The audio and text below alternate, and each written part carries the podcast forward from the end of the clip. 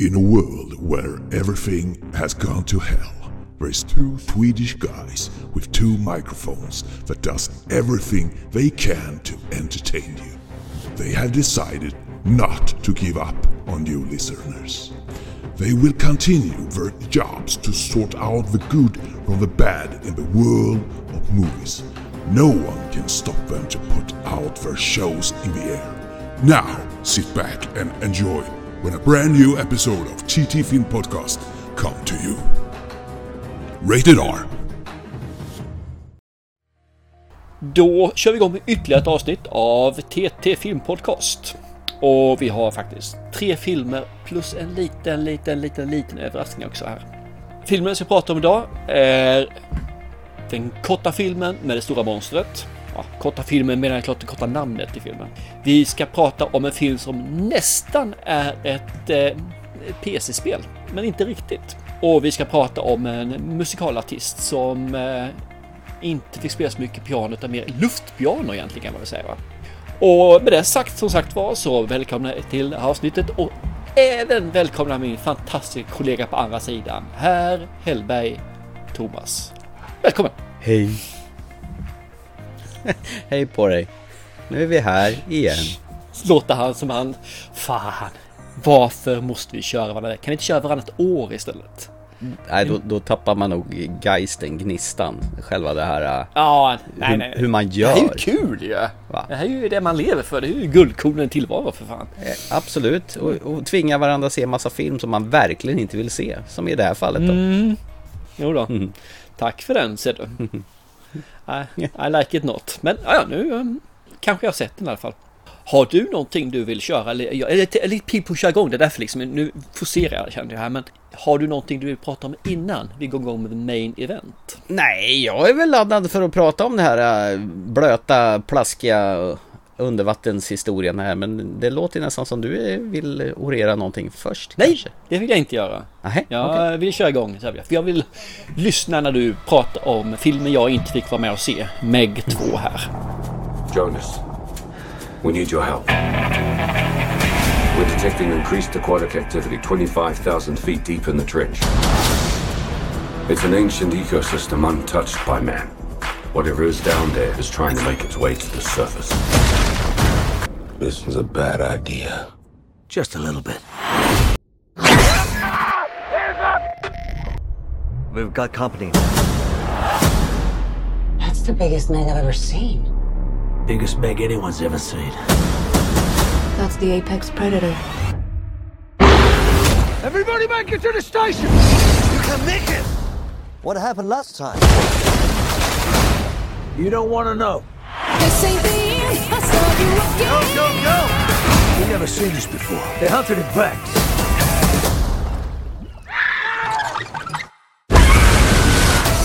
We can relax. This place, Meg proof. I mean, Jonas was always afraid of this, but I was also thinking.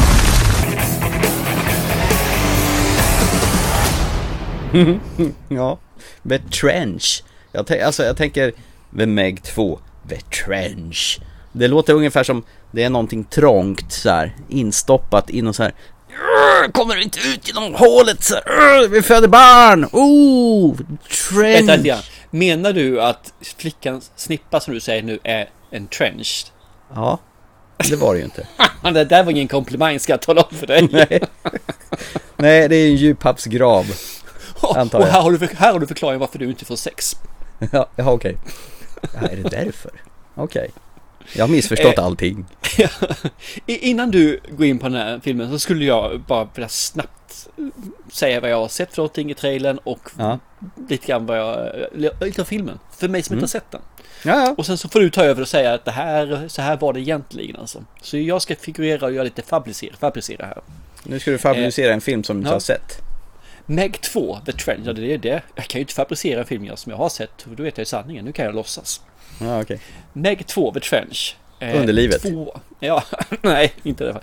Trench i alla fall är ju något med bland annat undervatten, nivåskillnader och sådana saker. Jag vet inte. Eh, det här är ju film jag sett på trailer. Där är den är en som har stuckit igenom igen. Eller flera, jag vet inte. För det finns även en stor späckhuggare, tänkte säga det inte alls, utan en bläckfisk heter det.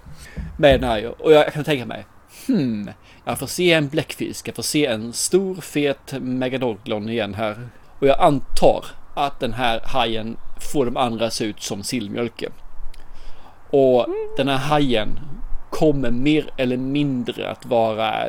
Mm, men vad heter den här? Godzilla och... Eh, vad fasen heter den här stora apan? King Kong. King Kong, jag tänkte säga Donkey Kong, men det var ungefär samma sak. Jag, jag kan tänka mig att det blir samma clash med de här två på något sätt och vis här alltså. Och jag kan tänka mig, nu, nu spoilar jag slutet, ursäkta jag gör det, man ska inte spoila slutet på en film man inte har sett. Nej. Men Megalodon kommer vinna över den här eh, bläckfisken. Jag ville säga spindeln nu helt plötsligt istället för bläckfisk, men bläckfisken. Han kommer slita den i tur i slutet där i alla fall. Och sen är det upp till Jason Statham att Save the Day. Det är min film det här. Det här kommer vara Meg 1 i kubik gånger 4 upphöjt till pi. Kör! Ge mig sanningen om filmen. Nej, det här var ju fel. Det här var så fel det bara kan bli faktiskt. Okej, fasen också. Ja, ja. Ja. Jason Statham är ju med i alla fall. Så långt hade ju rätt. Han, han- han, spelar ju Jonas en gång till. Den här filmen utspelar sig fem år efter förra filmen när det blev lite pannkaka när eh, kinesiska turister blev uppkäkade i sina badringar bland annat. Jonas Taylor som han he- heter, han har blivit inblandad i och kämpar mot folk som eh, gör brott mot eh, miljön. Han är miljökämpe helt plötsligt. Så att man träffar honom på en, en stor hangarfartyg eh, där for, massa skumma personer håller på med fuffens och han är där och skaffar information och så. Det blir som ett så här föräventyr som i en James Bond-film nästan. L- lite kul där. Eh, springer bara ru- runt bland massa containare. Men fem år i alla fall har gått och eh, de eh, undersökte den här Mariana-graven i förra filmen. Där. Det var där de hittade den här Megalodon Gigantus Haius Bigus Fiscus. Det var ju en kvinna som heter Su Yin Chang som dog i den filmen. Och då har Taylor eh, uppfostrat hennes dotter nu, som Mei Ying, som är tonåring. Och eh, lär henne allt han kan. Eh, Hon är med och är väldigt intresserad av undervatten och sådär. Men är det här, är det här dottern från ett, första filmen då? Med Ja Jim? precis, och nu har hon vuxit upp och blivit större. Har hon. Jaha, och mamman dog helt plötsligt säger du? Ja men hon dog i förra filmen. Nej, det gjorde hon inte alls. Hon överlevde förra filmen. Jaha, men nu är hon i alla fall död i i början Okej. av den här filmen. Ja, nej, hon överlevde förra filmen och de var lyckliga och skulle liksom eh, dejta och eh, göra fler med Ying. Ja, men det blir inget mer med Ying för att hon är Ja. död här. Okej. Jobbigt va? Mm. Eh, sen har de faktiskt eh, fångat in eh, en Meg eh, som heter Haiki. Eh, som en av de här eh, vetenskapsgubbarna som håller på att studera tror att han kan kontrollera genom att trycka med en liten fjärrkontroll sen en liten klick klick så här. Då ska hajen kunna liksom komma närmare, att han kallar på honom och trycker klick klick klick. Då ska hajen liksom flytta på sig så här. Kan man ju tänka mig, det där kommer ju bli någon finess senare i filmen kanske. Mm, mm. Eh, och de ska ner i den här eh, graven där, Mariana-graven och eh, ner på en expedition. Och den här tonårsdottern får inte följa med, men hon eh, skiter ju i vad alla säger och smyger sig ombord ändå. Eh, och sen när de kommer ner så inser de att det är några gangsters som håller på och borrar efter något material som är väldigt värdefullt där och spränger. Och ja, vad händer då? Jo, om man spränger någonting då kan man ju släppa ut eh, någonting annat som inte bör komma upp till ytan. För det visar sig att det finns ju fler sådana där hajar eh, där nere i den här eh, under djuphavsgraven där. Som eh, blir lite sugna på den här tama eh, hajen, Haiki. Hon är, den hajen är en hona och de andra är hanar och de vill då liksom, du vet så här. Är du med? Ja, jag är med. Är bara att lyssna Ja. hänfört här säger jag. Ja. Och de där tar sig upp. Så helt plötsligt så är det ju inte bara en haj utan det är ju tre till. Så det är en jädra massa sådana här stora megalonion-hajar. Eh, Men första halvan av filmen det är liksom som en sån här undervattensfilm. Kommer du ihåg den filmen Underwater med hon Twilight-skådisen? Fast hon var korthårig. Ja, visst. Den och Avatar kommer jag ihåg också. Det är mycket under Ja, ja men det här var ju någon typ sån här någon, någon oljerigg som går åt helvete och så är de på havsbotten och klafsar runt där och grejer. Mm. Och jag kommer ihåg den. Den var en riktig B-film. Ja, det här var, halva filmen var av The Meg 2 var som den ungefär. Jaha, Eh, okej. Så, så filmen är ju som två filmer igen, det är ett jävla Kinderägg det här. Eh, och eh, andra hälften, det är ju kanske en repris på första filmen. Det är ett samarbete med, med, med Kina där, så det är ju massa kineser som måste vara med i den här också. Som, och det ska ju vara en sån här badort liksom i den första filmen där. Så Mm. det blir lite samma sak en gång till. Den var med på trailern den också som sagt. Ja. Den, Och, och det sjuka är att man kan inte riktigt bestämma sig för om det är hajfilm eller om det är monsterfilm eller om det är bläckfiskfilm eller om det är dinosauriefilm. Det har du ju också sett i trailern där. För massa, filmen börjar ju med att ödlor som kommer där och så kommer en stor jävla Tyrannosaurus rex och jagar ut dem i vattnet. Och sen kommer den här hajen bara och äter upp dem. ja, just det, ja det stämmer. Ja, men de här jävla ödlorna som springer runt och ser läskiga ut, de kommer ju med sen i filmen också. Och en stor jävla bläckfisk och det blir bara en jävla kakafoni av monsterfilm så man vet inte riktigt vad, de, vad fokuset är i den här egentligen. Och sen har en sån jävla konstig ton filmen att folk dör ju som flugor här och man försöker ju, de försöker ju göra någon form av relation mellan bland annat Jonas och hans team där de, när, när de är nere och dyker och de är, dyker såna här ubåtar och eländet efter det andra och, det dör ju folk naturligtvis en efter en och men man glömmer ju bort rätt fort att folk dör och sen eh, längre filmen går så byter den ton och den blir lite rolig och sen ska den vara lite otäck. Det blir nästan lite buskis. Alltså, man, man kan inte riktigt bestämma sig vad för film man vill göra med det här utan den spretar all over the place. Att strukturen är ju som att det är två filmer igen och sen eh, är det genrebyte och de här actionscenerna där Jason Statham får vara Jason Statham, då är han ju rätt så brutal. Och sen är det ju våldsamt mycket CGI då, i och med att de här hajarna är ju CGI-ade. Så, och, Va? Har man CGI-at hajarna? Nu blir jag besviken. Nej men alltså, och, det är rätt dålig CGI också. Ja, okej. Ha, den hajen som vi såg vid Shallows har jag för mig tyckte var rätt snyggt gjord för vad då? Ja. Och det har Ja, ju men inte absolut. hänt ett jävla smäck sen dess om man säger så.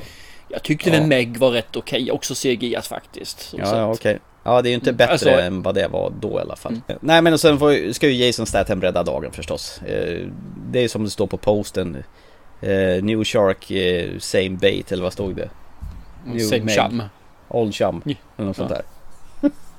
Precis. Äh, äh, den är så konstig ton på den här filmen. Så jag- fattar liksom inte vad för slags film de vill göra. De vill göra någon form av Ska det passa alla åldrar där? Det ska vara lite spännande, det ska vara lite roligt, det ska, vara, passa både ungar och vuxna och, jag vet inte. För raden framför oss när vi såg den här så satt en mamma med sina 6-7-åringar som inte kunde sitta still. Som knappt kunde läsa texten. Så jag, jag vet inte riktigt varför man släpar med sådana små barn på en sån här film. Nej, det gör inte jag heller, men det, många har ju inte riktigt... Hästarna hemma i stallet. Nej, ibland känns det som det. Jag har inget problem egentligen att de drar med en sjuåring. För är det en sjuåring som är väldigt luttrad när det gäller film och ser sådana här saker. Men då ska Ja. de åtminstone kunna engelska och förstå Ja, vad, vad som hände. Man behöver inte förklara för dem åtminstone. Nej, Nej det, det, det jag säger så, så, som sådant, det känns som man har bara kastat ihop en massa olika manus och inte kan riktigt bestämma sig vad för slags film man vill göra. Så att filmen är ju, den är, jävligt konstig. Det, det känns som en väldigt osammanhängande film som har blivit ett, en produkt av massa olika idéer. Och man inte har kunnat bestämma sig för en story utan man har kastat ihop tre, fyra olika historier i en och samma film. Men jag, vad jag läste lite grann så har ju den här filmen passerat eh, manushelvete deluxe och passerat en jävla massa regissörer som skulle ha gjort den här. Aha, Eh, okej. Där, där ja. kan ju vara en anledning då till det. Ja, och han John Turteltaub som gjorde första, han eh, gjorde inte den här utan det, det passerade väl tre, fyra olika regissörer då innan Mm. den hamnade på, ja vad hette han nu, han som skulle, som gjorde den här. Ben Waitley, precis. Exakt. Eh, nej men ja, du kan ju titta på den här när den kommer på hemmavideo och förundras. Men det kommer jag göra. Jag kommer definitivt Ja. se den här. För det här är ju ändå... Ja, jo, jag kommer se den på skiva när den, kommer. Eller Mm. på streaming.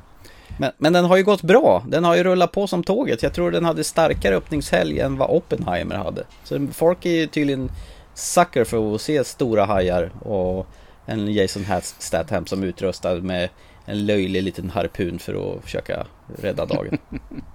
Jag förstår inte riktigt varför man hela tiden jämför med Oppenheimer. För Oppenheimer är inte den blockbusten som genererar jättemycket intäkter som jag ser det. Den kommer säkert generera en, en hel del försäljning av skivor och streaming och så här. Men det är ju ingen mm. biofilm som den stora bredden går och ser. Så det är ju inte konstigt att inte den drar in pengar. Det är ju ingen 11-åring som går och ser Oppenheimer.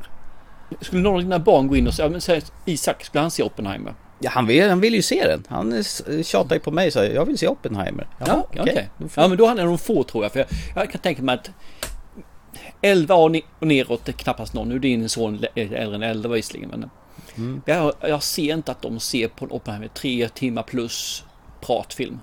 Nej, eh, det, det som är bra med den här i alla fall att den har ju under två, tre timmar i alla fall. Den är ju under två timmar, 1.56. Så att kanske nästan gränsboll för att vara lite för lång för att vara en sån här typ av film. Kanske. Ja, jag vet inte. Det, det kan jag hålla med om. Så. Men det är ju alla filmer nu. Var och en tittar på så är ju alla filmer på tok för långa. Det har vi ju konstaterat. Så är det. Jag håller med mm. fullständigt. Mm. Däremot så var Jason Statham lite missnöjd att de hade tonat ner eh, jag vet inte om den förra var så himla våldsam men han, han hade velat att filmen skulle vara lite våldsammare. Ja, nu kan jag inte jämföra men visst var det väl lite grann i den. Det var ju en del actionscener och framförallt lite, mm. inte mycket blod men åtminstone att eh, han slafsar i sig lite grann. Men det, det som är så fantastiskt med den här att de skurkarna de är ju så diaboliskt karikatyrskurkar så att det går inte att ta miste på dem vilka de är innan du har fått presenterat vilka skurkarna är. Utan oj, det är någon som saboterar ubåten. Vem kan det vara? Och ingen fattar någonting förutom du som tittar. Ja, det är lite tråkigt, det får man ju säga faktiskt. Ja, mm. Mm. Mm. ja, ja. okej. Okay. Det var väl en trevlig stund i bion. Jag gick med min dotter. Popcornfilm, lämna verkligen hjärnan hemma och ha inga sådana här stora krav på att det ska vara en eh, schysst välarbetad handling utan det här är bara ett spektakel och skådespel och det är ju lite larvigt det här. Men, men, men det var ju ettan också ju. Det var också spektakel egentligen. Men om, om du jämför ettan och tvåan. Jag tolkar dig, hur mycket bättre är ettan än tvåan? Nej, jag tycker nog den är bättre för att Jaså, den bättre hade, än ettan? Ja, den hade ändå lite struktur. Den här har inte det. Ja, ettan är, väl... är bättre än tvåan, precis. Ja, ettan var bättre än den ja. här faktiskt. Du ville göra en undervattenstriller med det ska vara spänning och du vet sådana här shitometer och hej och hå. Och sen när du kommer upp till ytan då blir det någon sån här under belägring historia där Jason Statham får springa runt på en oljerigg och sen i akt 3 så måste du ju ha den här klassiska japanerna som ska ligga och plaska i sina gummiringar och bli attackerade på eh, Kineser, inte japaner. Ja, no, någonting som heter en sån här semesterparadisort som heter Funland. Så att du har ju liksom tre, det, det, är en trestegsraket som handlar om tre helt olika saker. Ja, ja nej men det, jag, jag ska jag se den i vilket fall som helst. mm. För jag kommer offra de här två timmarna. Sen så tror inte jag heller det här är bättre än ettan. Tvåan är nästan aldrig bättre än ettorna. Och nej. ettan är ingen sån här film som lämnade några spår efter sig direkt. Så det kommer nog inte den heller göra. Men serien kommer jag göra, definitivt. Ja, ja men man säger det, tvåan ska ju vara större, värre och jo det är ju större och, och fler då. då. Mm. Det är väl det som ja men det brukar det vara ju. Att det, ja. Större, som, fler eller något annat sådär. Säkert inte det sista vi har sett av det här heller. Jag menar, det här blir säkert en eh, kassasuccé så de eh, giriga producenter gnuggar säkert sina eh, knölar och inser att det här är Fast, easy money. Jag, jag tycker inte du ska säga gira producenter egentligen. För folk ser den. Alltså är det någonting folk vill ha. De förser ju folket med det de vill ha. Girigt, ja då är ju så alla företagare eller producenter giriga. För alla vill ju tjäna pengar. Så jag tycker inte det är girigt. Sen kan man tycka att det kan vara ibland omdömeslöst att köra någonting i botten bara för att. Men generera pengar, det är klart det kommer en trea. Sen så kommer det inte komma fler än trean för då är folk trötta på den här tror jag. Ja, men då eh. kan man väl jobba lite med ett vettigt manus också kanske. Varför det? Det kostar pengar och de strejkar ja, det gör. Ja men de strejkar ju nu allihopa ändå ja, så det spelar ingen roll. manus. Vi tar liksom ett manus här, slår ihop ettan, tvåan och liksom hajen fyra och sen så blir det jättebra efter det. Ja, Over Shallows och jättehajen Vindsurfarna skräck och säkert någon sån här, vad heter det, späckhuggarfilm också. Orka eller vad fan det heter. precis. Orka kan vi ta, precis. Ja. Ja, ja. Så har vi det. Nej, vi får se. Mm. Perfekt. Ja. Nej men det, det, låter ju som att den kanske tilltalar yngre befolkningen här, kanske 13-14-åringar som vill ut, 15 år också, som kanske vill ha action och eh, lite smaskigt. Mm. Och sen då inte vågar se det här eh, riktiga splättriga. Ja, sen tror jag det här passar jättebra in på eh, den asiatiska marknaden. Ja, det, herregud. Det här är ju. Mm. Så den är kanske inte gjord riktigt för europeer, den här är gjord mer på den asiatiska sidan. Skulle jag kunna tänka mig. Jag har något att se framåt, eller något att se i alla fall. Ja, framåt i tiden. Det, det, är- det är fantastiskt att jag inte skrämde bort det med det här, men okej. Det var ju också ett sätt att sälja in den på då.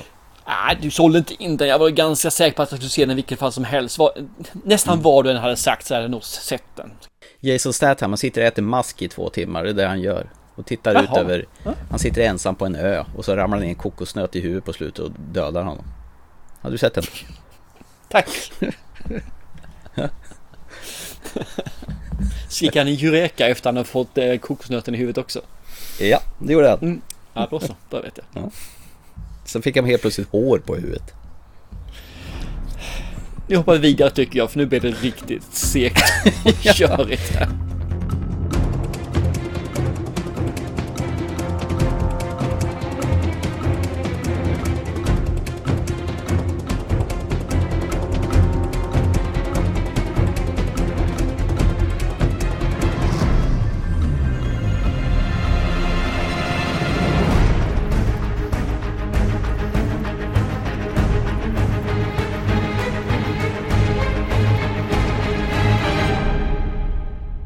Går vi vidare till en splitterny film som eh, kom på, kom på som Netflix släppte bara häromdagen. Eh, Vi skulle ju se en annan film med Jackie Chan och han John Cena när de åker, åker lösbilar genom ett dataanimerad öken men sen såg jag att Gal Gadot kom minsann med en ny film. Och då, då, det kan vi ju inte missa, tänkte jag. Och, Tänkte du, det var jag som föreslog den här faktiskt. jaha, Jaha. Så det är ju intressant att du tog åt dig äran här nu. Bara att nu tog jag det här beslutet. Jag ville göra det här. Men det var jag som gjorde det. Kom igen, håll dig till fakta här nu. Jag visste du skulle vilja se den här, helt klart. Så det är klart att vi såg det. ja. Och filmen heter Heart of Stone. You know what you signed up for. No friends, no relationships. What we do is too important. When governments fail, the only thing left is the charter. How many in the welcome party? Six of them. Hardly seems fair. She's developing a sense of humour. Hey! All right. The heart is what gives the charter its power. We can crash a market or drop a plane out of the sky. If you own the heart, you own the world. You're compromised. Don't know if you can be trusted. I'm standing you down, Rachel. I don't care. We have no idea what they're capable of. I need to shut it all down. Showtime! This is what, this is what, this is what,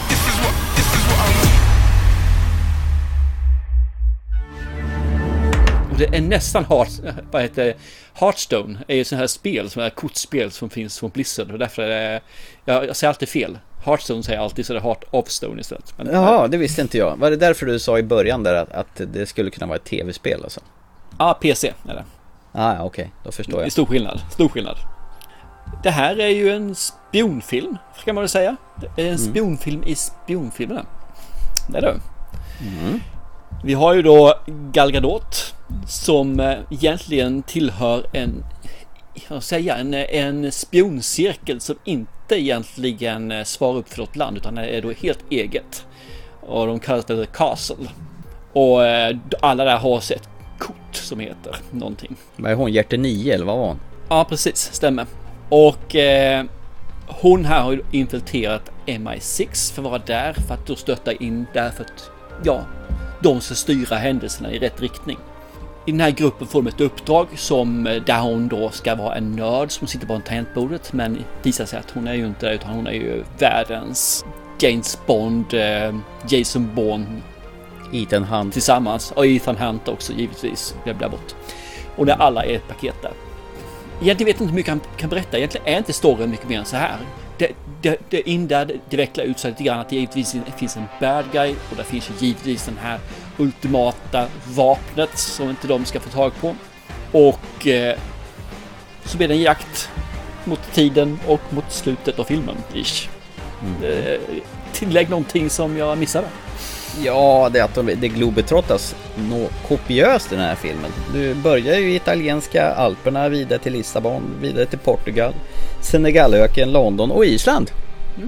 Intressant att du tycker att det är till handlingen att de globetrottar. Alltså en stor actionstänkare där det är spioner och grejer, då ska det globetrottas. Okej. Ja. Ja. ja, men det gör det definitivt. Eh, och det här är ju din eh, våta dröm, Gal Gadot. Ja, grejen är det att Gal Gadot är ingen skitbra skådespelare, det är hon ju inte. Men jävlar vilket härligt leende hon har när hon bländar av det.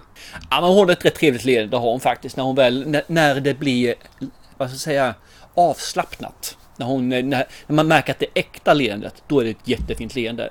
När hon måste spela ett leende, mm, ja, inte så bra längre. Jag kände att den här filmen hade ju väldigt så här stora paralleller med Mission Impossible. Känner jag. För det första är det ju Skydance som har producerat den där. Det är ju Tom Mm. Cruise filmbolag som producerar Mission Impossible-filmerna. Jag skulle ju lätt kunna översätta eh, Rachel Stone till Ethan Hunt i den här. Tänker på den första filmen Mission Impossible. När Ethan Hunt är grön rookie och de är på någon fest och ska infiltrera någonting och Emilio Estevez sitter uppe i någon ovanför någon hiss och de buggar och grejer och sådär. Och eh, de är en liten grupp. Så jag, fick den känslan i början när hon är med i den här MI6-gruppen.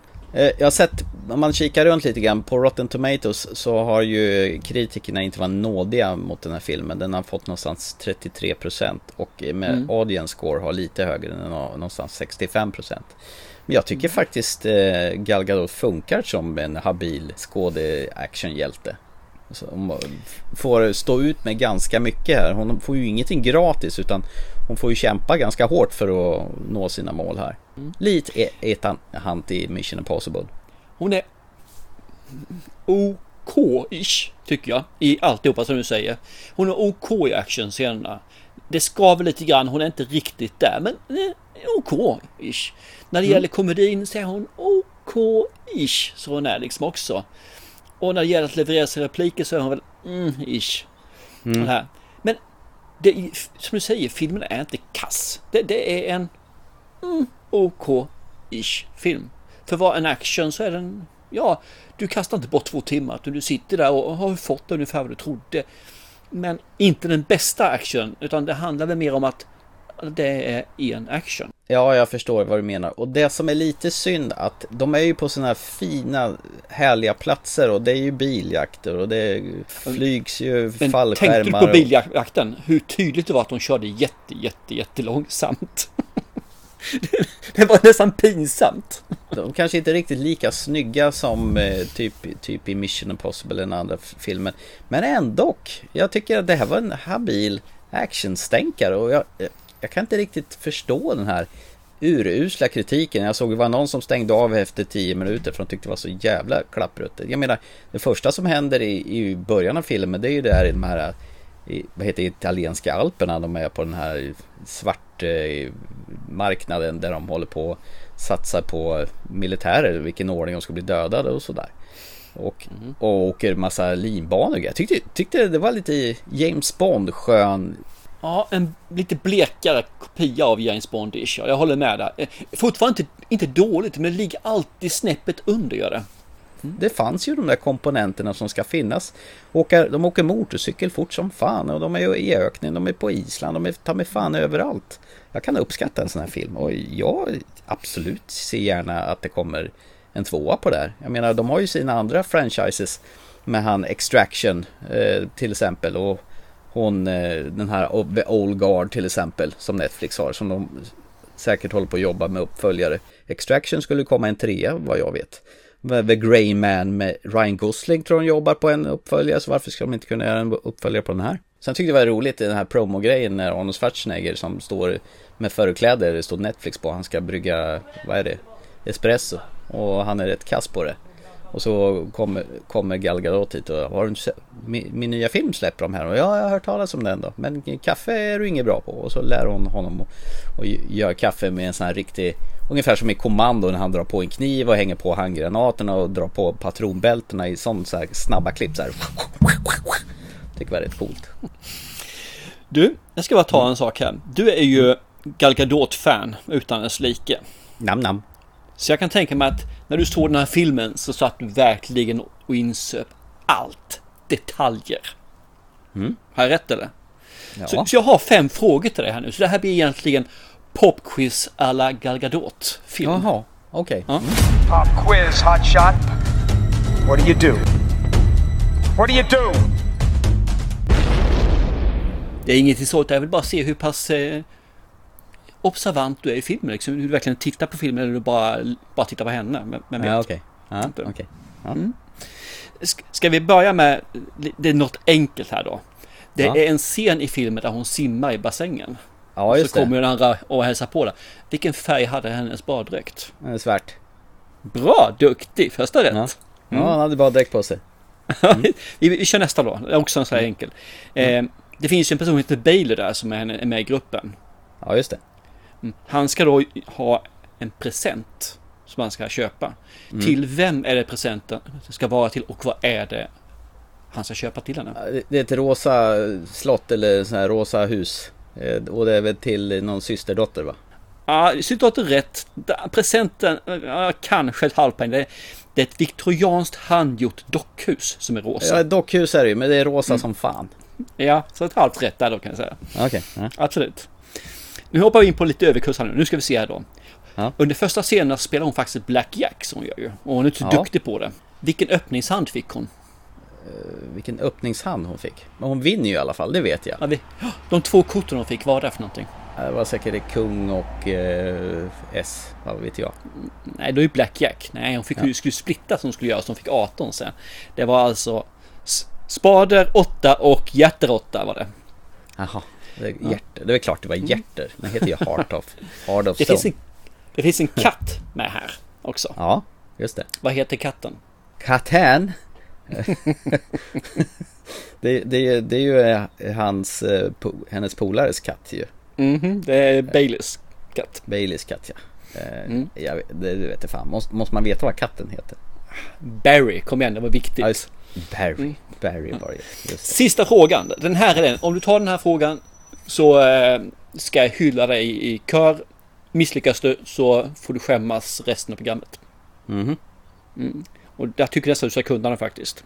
Okej. Efter första uppdraget så blir de utskällda av sin chef och sådana saker. Så går de iväg till en krog där de sitter och äter mat och diskuterar vad som har gått snett och vad de ska göra för någonting och äter mat hela köret. Mm. Vad heter krogen?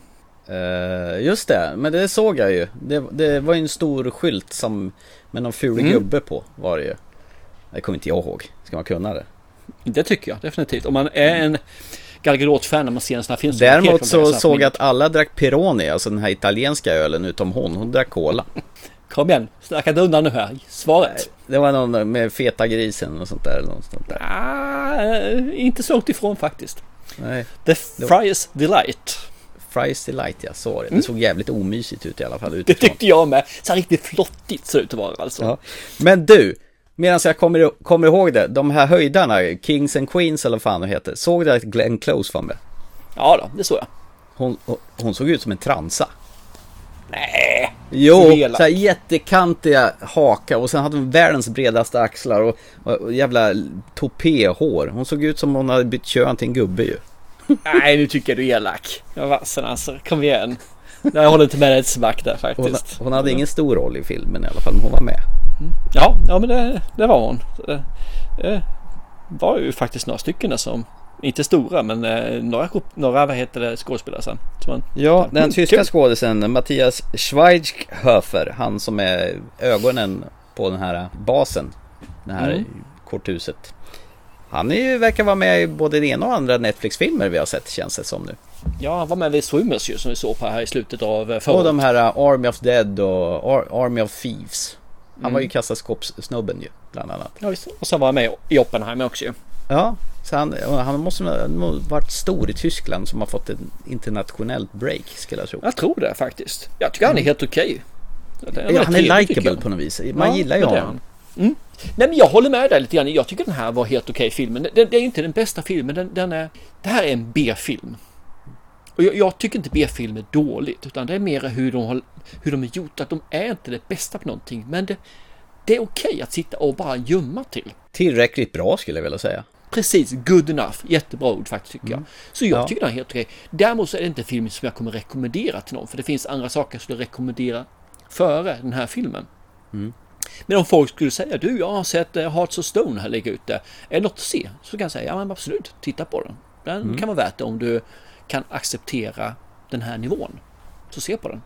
Ta Mm. popcorn, chips och dipp och uh, sätt där med familjen och se på den och uh, ha lite kul. Ja, den är inte tråkig en enda stund. Det är fullt ös från början till slut. Jag menar, och det öppnas ju på slutet för, för en tvåa med, med tanke Men vil- på hur... vilken film gör inte det? Nej, man, man krattar ju manegen ganska ordentligt för att... Eh, Ja men det gör man ju all, i alla filmer numera ju. Alla filmer har slut så att de kan göra en uppföljare ifall det här blir bra. Mm. Och det är lite tråkigt tycker jag faktiskt. Jag tycker ibland så skulle man bara säga stopp. Som gjorde Oppenheimer, det finns jävla ingen fortsättning där. Hon, hon måste väl få någonting annat att göra när James Gunn har blåst henne framför näsan och inte får göra mer Wonder Woman. Ja, fast det är inte riktigt sista ordet sagt än va? Nej, det verkar vara väldigt fram och tillbaka. Mm. Jo, men jag älskar din karaktär. Klart du ska få göra fler filmer. Och sen i nästa trollslag då, då står det att nej, det blir ingenting. Så man vet inte riktigt vad som är sant av det där. Nej, Jag tror inte någon vet det. Jag tror knappt ens James Gunn vet det. Utan eh, det Nej. är nog öppet. Det beror nog på... Menar, hon är ju populär, det är ju inte mer med det. Och hon Mm. har ju verkligen fått bra cred för sin Wonder Woman-karaktär. Att hon gör den bra. Men eh, han, han vill nog blåsa hela skåpet tomt och börja med helt nya karaktärer. Jag tycker han gör lite fel faktiskt i sättet. Jag tror han skulle gjort lite mer som man gjorde faktiskt i eh, Marvel.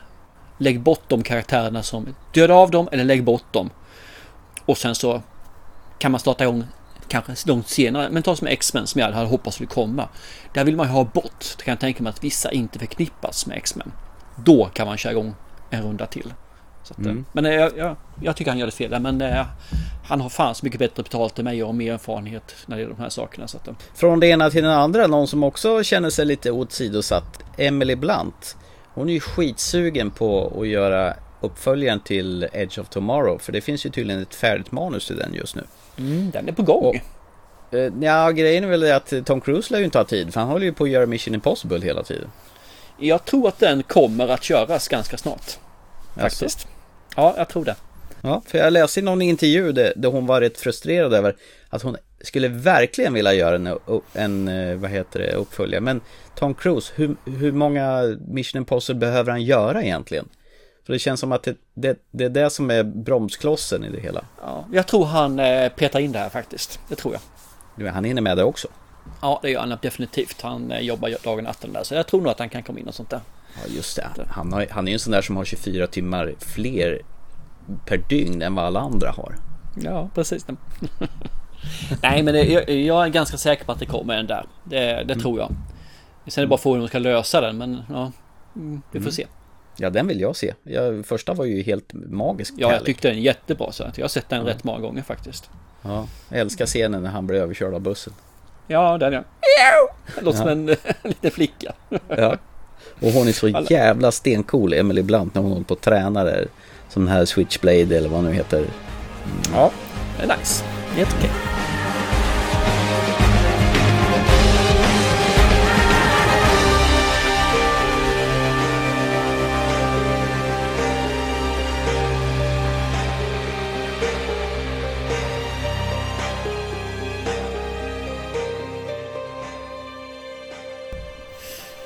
Eh, The Pianist. Uppdraget eh, till mig med en parentes till dig då.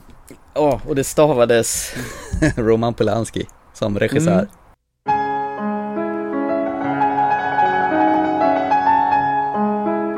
This is the greatest pianist in Poland, maybe the whole world. No one plays Chopin like you. Well, that's a compliment.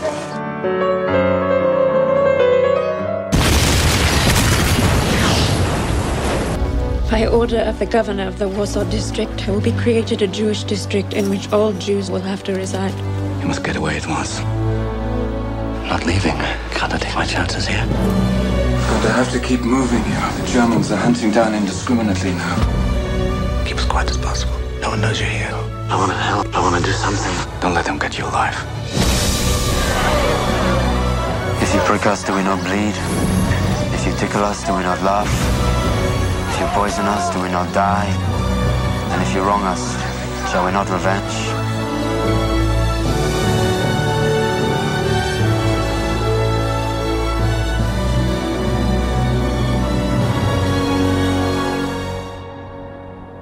Och jag vet att jag har varit jävligt negativ till Roman Polanski och huvudtaget.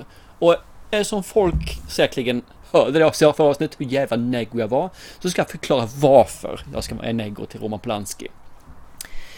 1974 så bjöd han, eh, fick han ta över, ja, över, han fick låna ett eh, hus från Jack Nicholson. Och där ska han ha en fotosession med en 13-årig tjej, Samantha Jane Geimer. Hon var där för andra gången så filmade honom. Efter när fotosessionen var slut så bjöd han henne på champagne. Och sen gjorde han eh, sexuella, ja, sexuellt ofredande för henne. Och då, de säger att han våldtog henne då. Sen så anhölls han den 11 mars 77.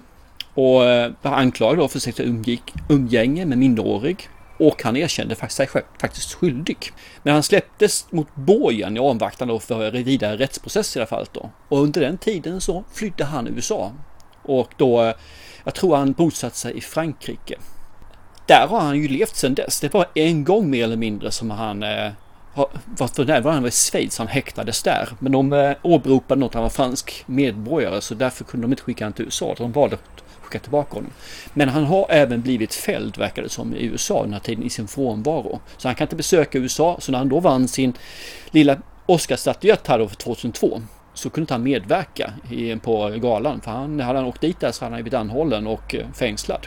Och sådana här gubbar som ger sig på 13-åriga flickor kan inte jag säga att jag kan säga åh vad bra han är. Man måste skilja mot vad han gör i verkliga livet, vad han gör i filmbranschen.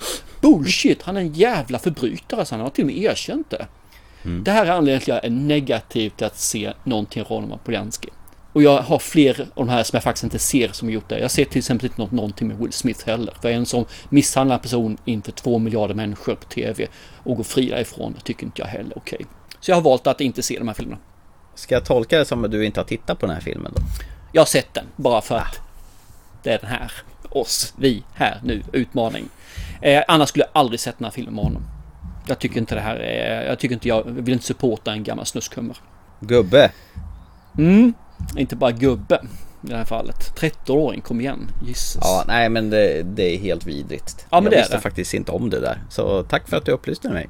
Nu vill jag radera all, allting som har med honom att göra från mitt minne. Ja, precis. Nej, men jag, jag, tycker inte det är rätt alltså att... Eh... Nej, det är klart det inte är rätt. Det är, ju, det är jävla pedofili ju. Ja, det är det. Definitivt. Mm. Mm. Men, för att hoppa in på filmen nu istället då, som jag faktiskt har sett. Så är det väl här baserat på en novell, en bok. Och han har väl försökt vara så trogen bok som möjligt. När jag läste på lite grann med Roman Polanski och hans tid så skulle det mer eller mindre kunna vara han och hans familj, fast ja, inte ensam då, men han, hans familjs umbärande. För han var också skyddad och vandrade runt liksom för att inte bli tagen av eh, nazisterna. Och det är väl det som hände här med, eh, vad heter han nu? Vladislav Spillman. Vladislav Spillman, precis. Eh, vi får ju börja där egentligen när, eh, ja, tyskarna går väl in i Polen där. Just det. Och att de eh, tänkte, nej men det är ingen fara. För här, nu har ju de allierade har ju aviserat att de ska hjälpa oss. Fransmännen har förklarat krig mot Tyskland. Engelsmännen ska göra samma sak, så nu kommer de hjälpa oss. Och det här tycker ju min kära son är så jävla kul. För att han på dem skulle vi lovade någonting och ingen sa nej, inte just idag. Kanske imorgon. Mm. Och så helt plötsligt följer hela Polen då i tyskarnas våld. Eh, under den här tiden så ser man uppseglingen också det här då med hur man hanterade judarna. Först så skulle man då liksom, de får inte ha mer än ett visst antal mycket kontanter, resten av kontanterna sätts på bank. Som alla visste om att ja, vi får inte ut de pengarna igen om vi sätter in dem där, de är ju spärrade. Sen skulle de ha armbildlarna och efter det så skulle de sättas i getto och efter det skulle de då börja arbeta och efter det skulle de skickas vidare till nästa steg i de här eh, koncentrationslägren. Och vi får följa hela den resan igen historiskt genom hans umbärande då, Spillman. Och även hans familj också för den delen. Den första delen här av filmen, jag, jag blir alltid så förundrad över att, att folk bara tar.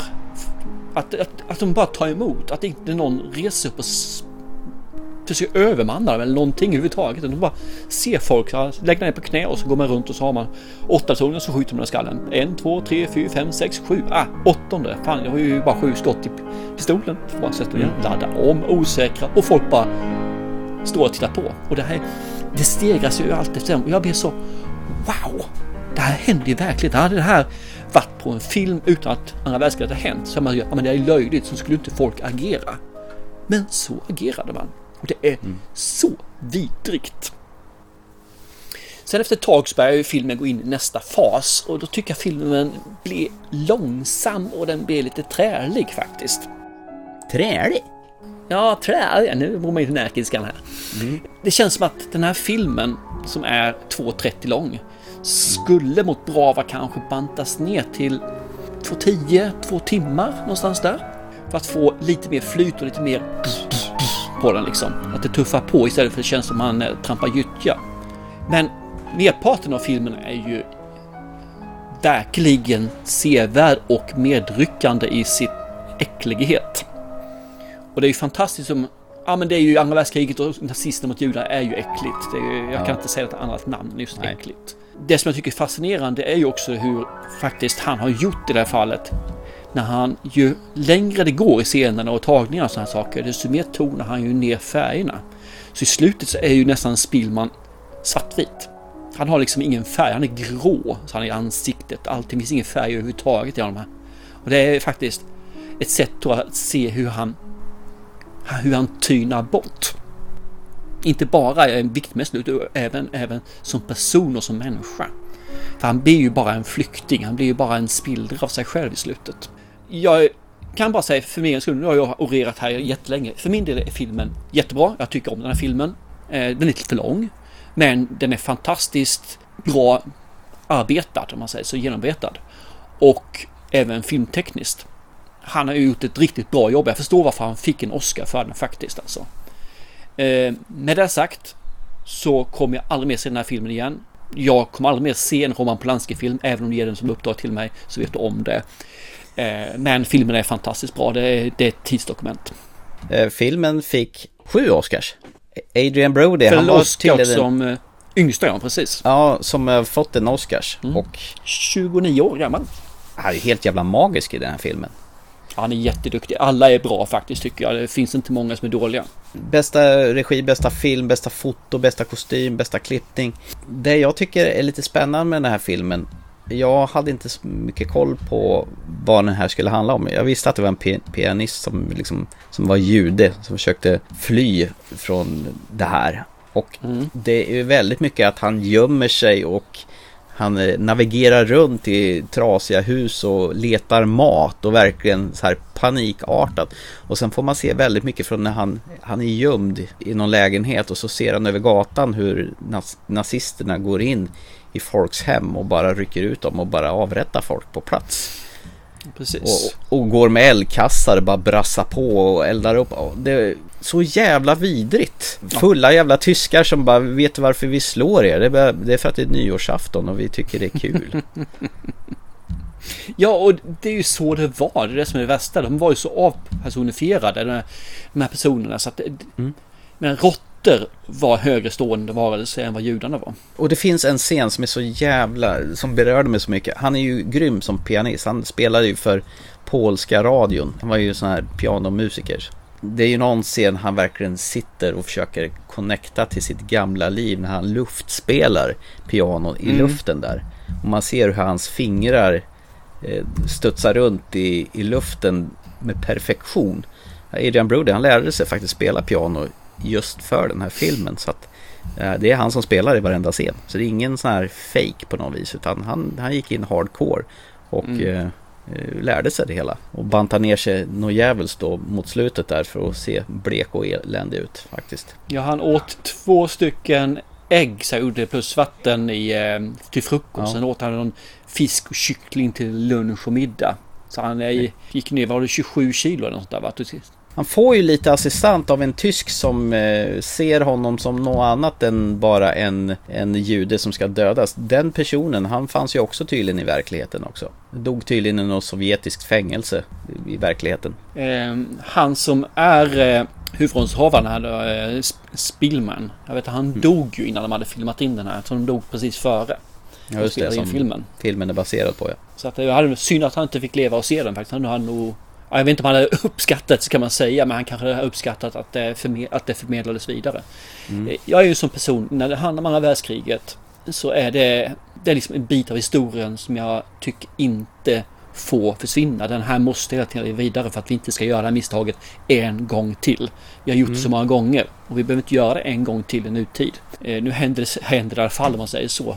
Precis framför ögonen, även om vi inte kan göra något åt det. Till exempel Kina.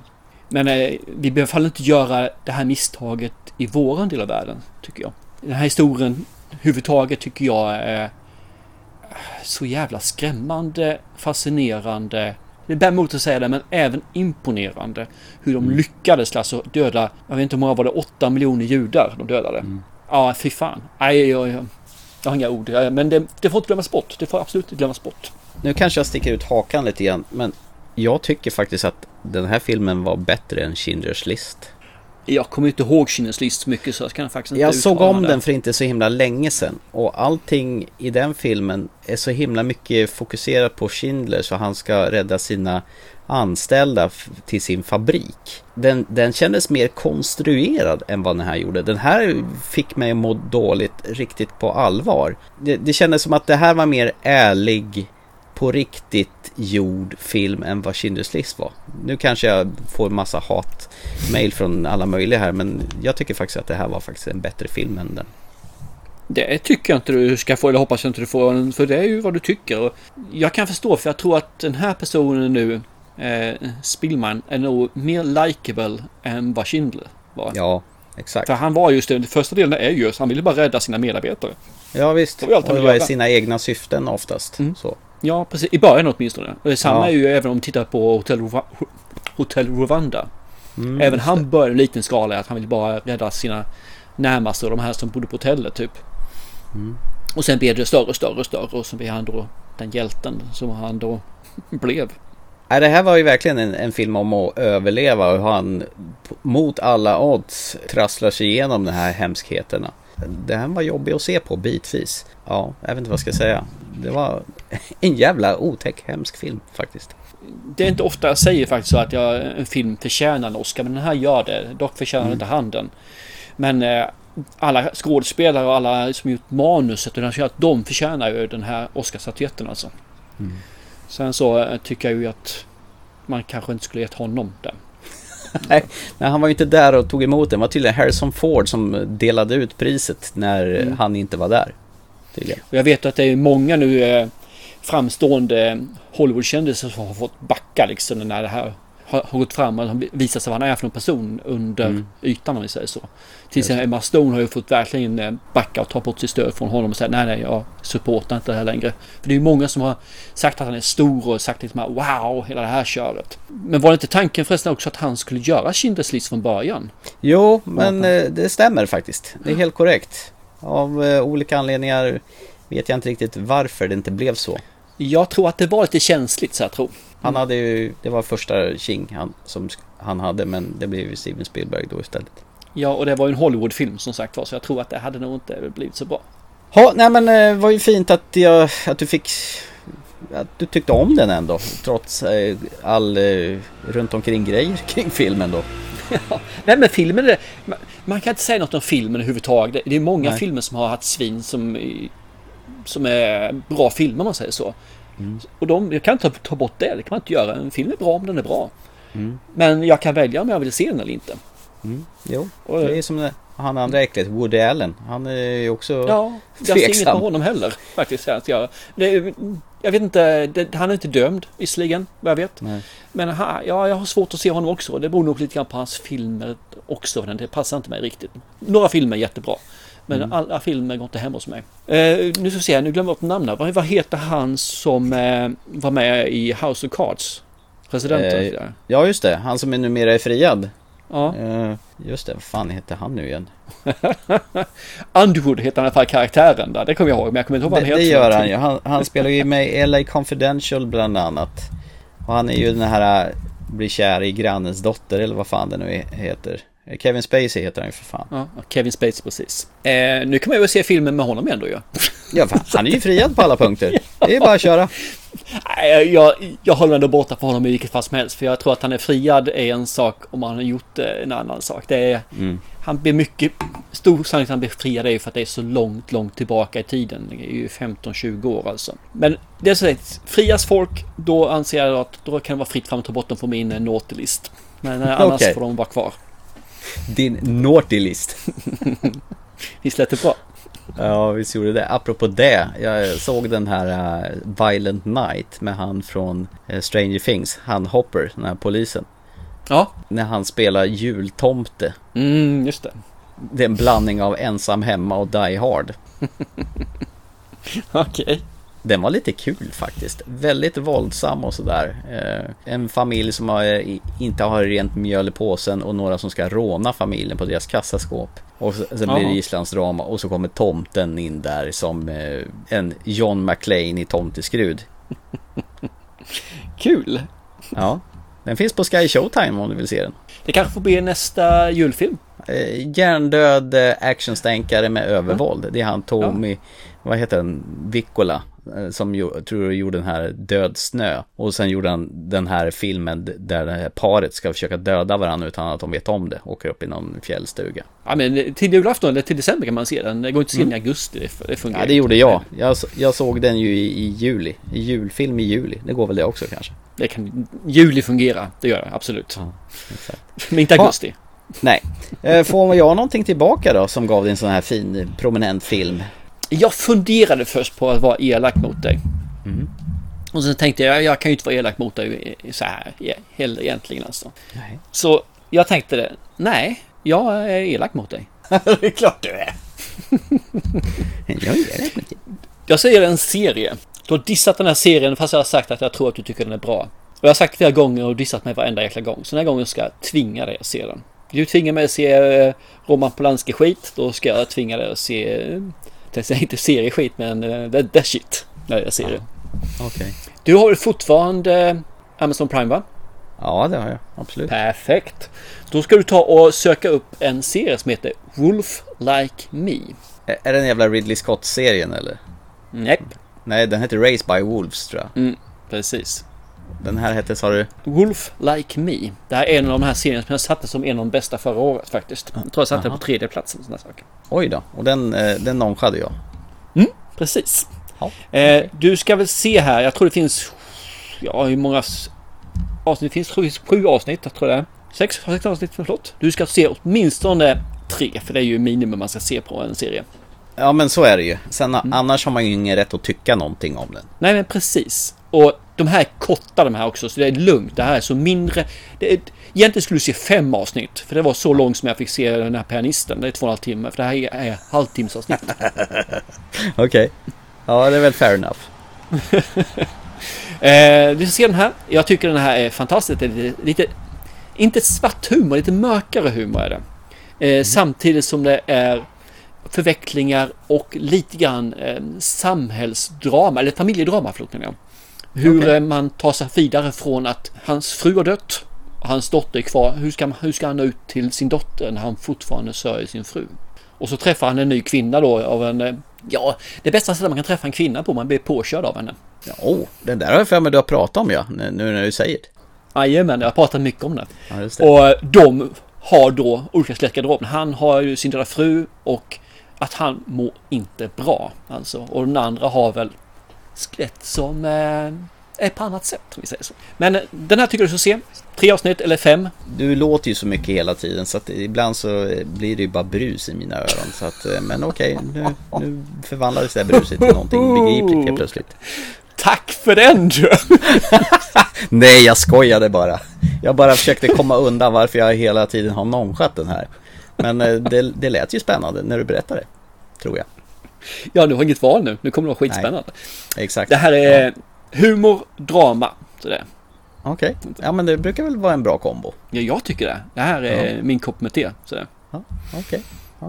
Du kommer säkert känna igen, eh, ja i alla fall en skådespelare lär du känna igen. Från det ena till det andra, vet du vad jag lovade våran vän Hans-Åke Lilja här förra veckan?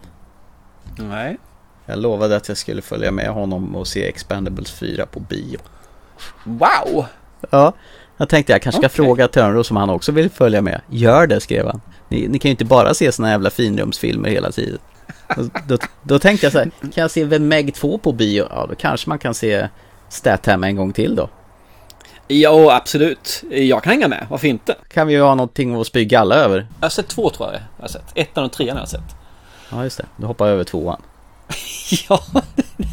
Jag hudde ju det för jag tyckte trean var en häftig fin eh, trailer på. Var det den de räddade Wesley Snipes i början på något tåg har jag för mig. Var inte det ettan? Nej, jag kommer inte ihåg. Mel Gibson är en jävla elak ja. skurk i den i alla fall. Ja, med skägg. Ja, men eh, jag hakar gärna på. Absolut. Ja. Och Harrison Ford var med också, har jag för mig. Alla var med i den jävla filmen. Mm. och Chuck Norris var med också, med skägg. Ja. Där. I och sig, han har väl alltid skägg. Eh, ja, förutom i de första, eh, vad heter det, Bruce Lee-filmerna. Där hade han bara mustasch tror jag. Ja, han varit med i Bruce Lee-filmer? Ja, visst har han varit där. Jaha, det visste inte jag. Fan vad coolt. Kanske måste se lite Bruce Lee Nej, nu börjar jag spåra ur här. Eh, vi summerar vad vi har pratat om. Vi har sett The Meg 2, The Trench och det har ingenting med kvinnans underliv att göra har vi fått lära oss ikväll. En film som är överallt och ingenstans. Den är på botten, den är ovanför havets yta och den är uppe på oljeriggar och det är, ja, det är allt. Det är som ett jävla Kinderägg med Jason Statham som är inslagen som en present. Du får väl se den när den kommer. Jag tyckte att den var väl, ja, underhållande. Det var inte tråkigt i alla fall. Sen har vi sett Heart of Stone som vi kan båda konstatera att den var inte heller tråkig. Och det var inte det bästa och inte det sämsta vi har sett utan en habil actionstänkare som numera finns på Netflix att beskåda. Och till sist såg vi hatobjektet Roman Polanski som hade gjort en eh, film som inte får glömmas. Så att har ni inte sett Pianisten, The Pianist, så se den för allt i världen så får ni också må lite dåligt. Det var det. Perfekt. Något, något att tillägga eller ska vi runda av våran... Eh... Nej, jag känner mig väldigt nöjd. Och eh, ni andra då? Ja, se två, tre, fyra eller fem filmer så hörs vi om ett par veckor igen. Då. Det är vi absolut. Chip chip. Hej då! Och till alla ute så heter han inte Jason Statham, han heter Jason Statham. Men eh, vi får förlåta Thomas för hans uttal. Är det, är det ditt statement? Nej, Miss Davement. Davement. Nu tycker jag bara stopp. ja, jag med.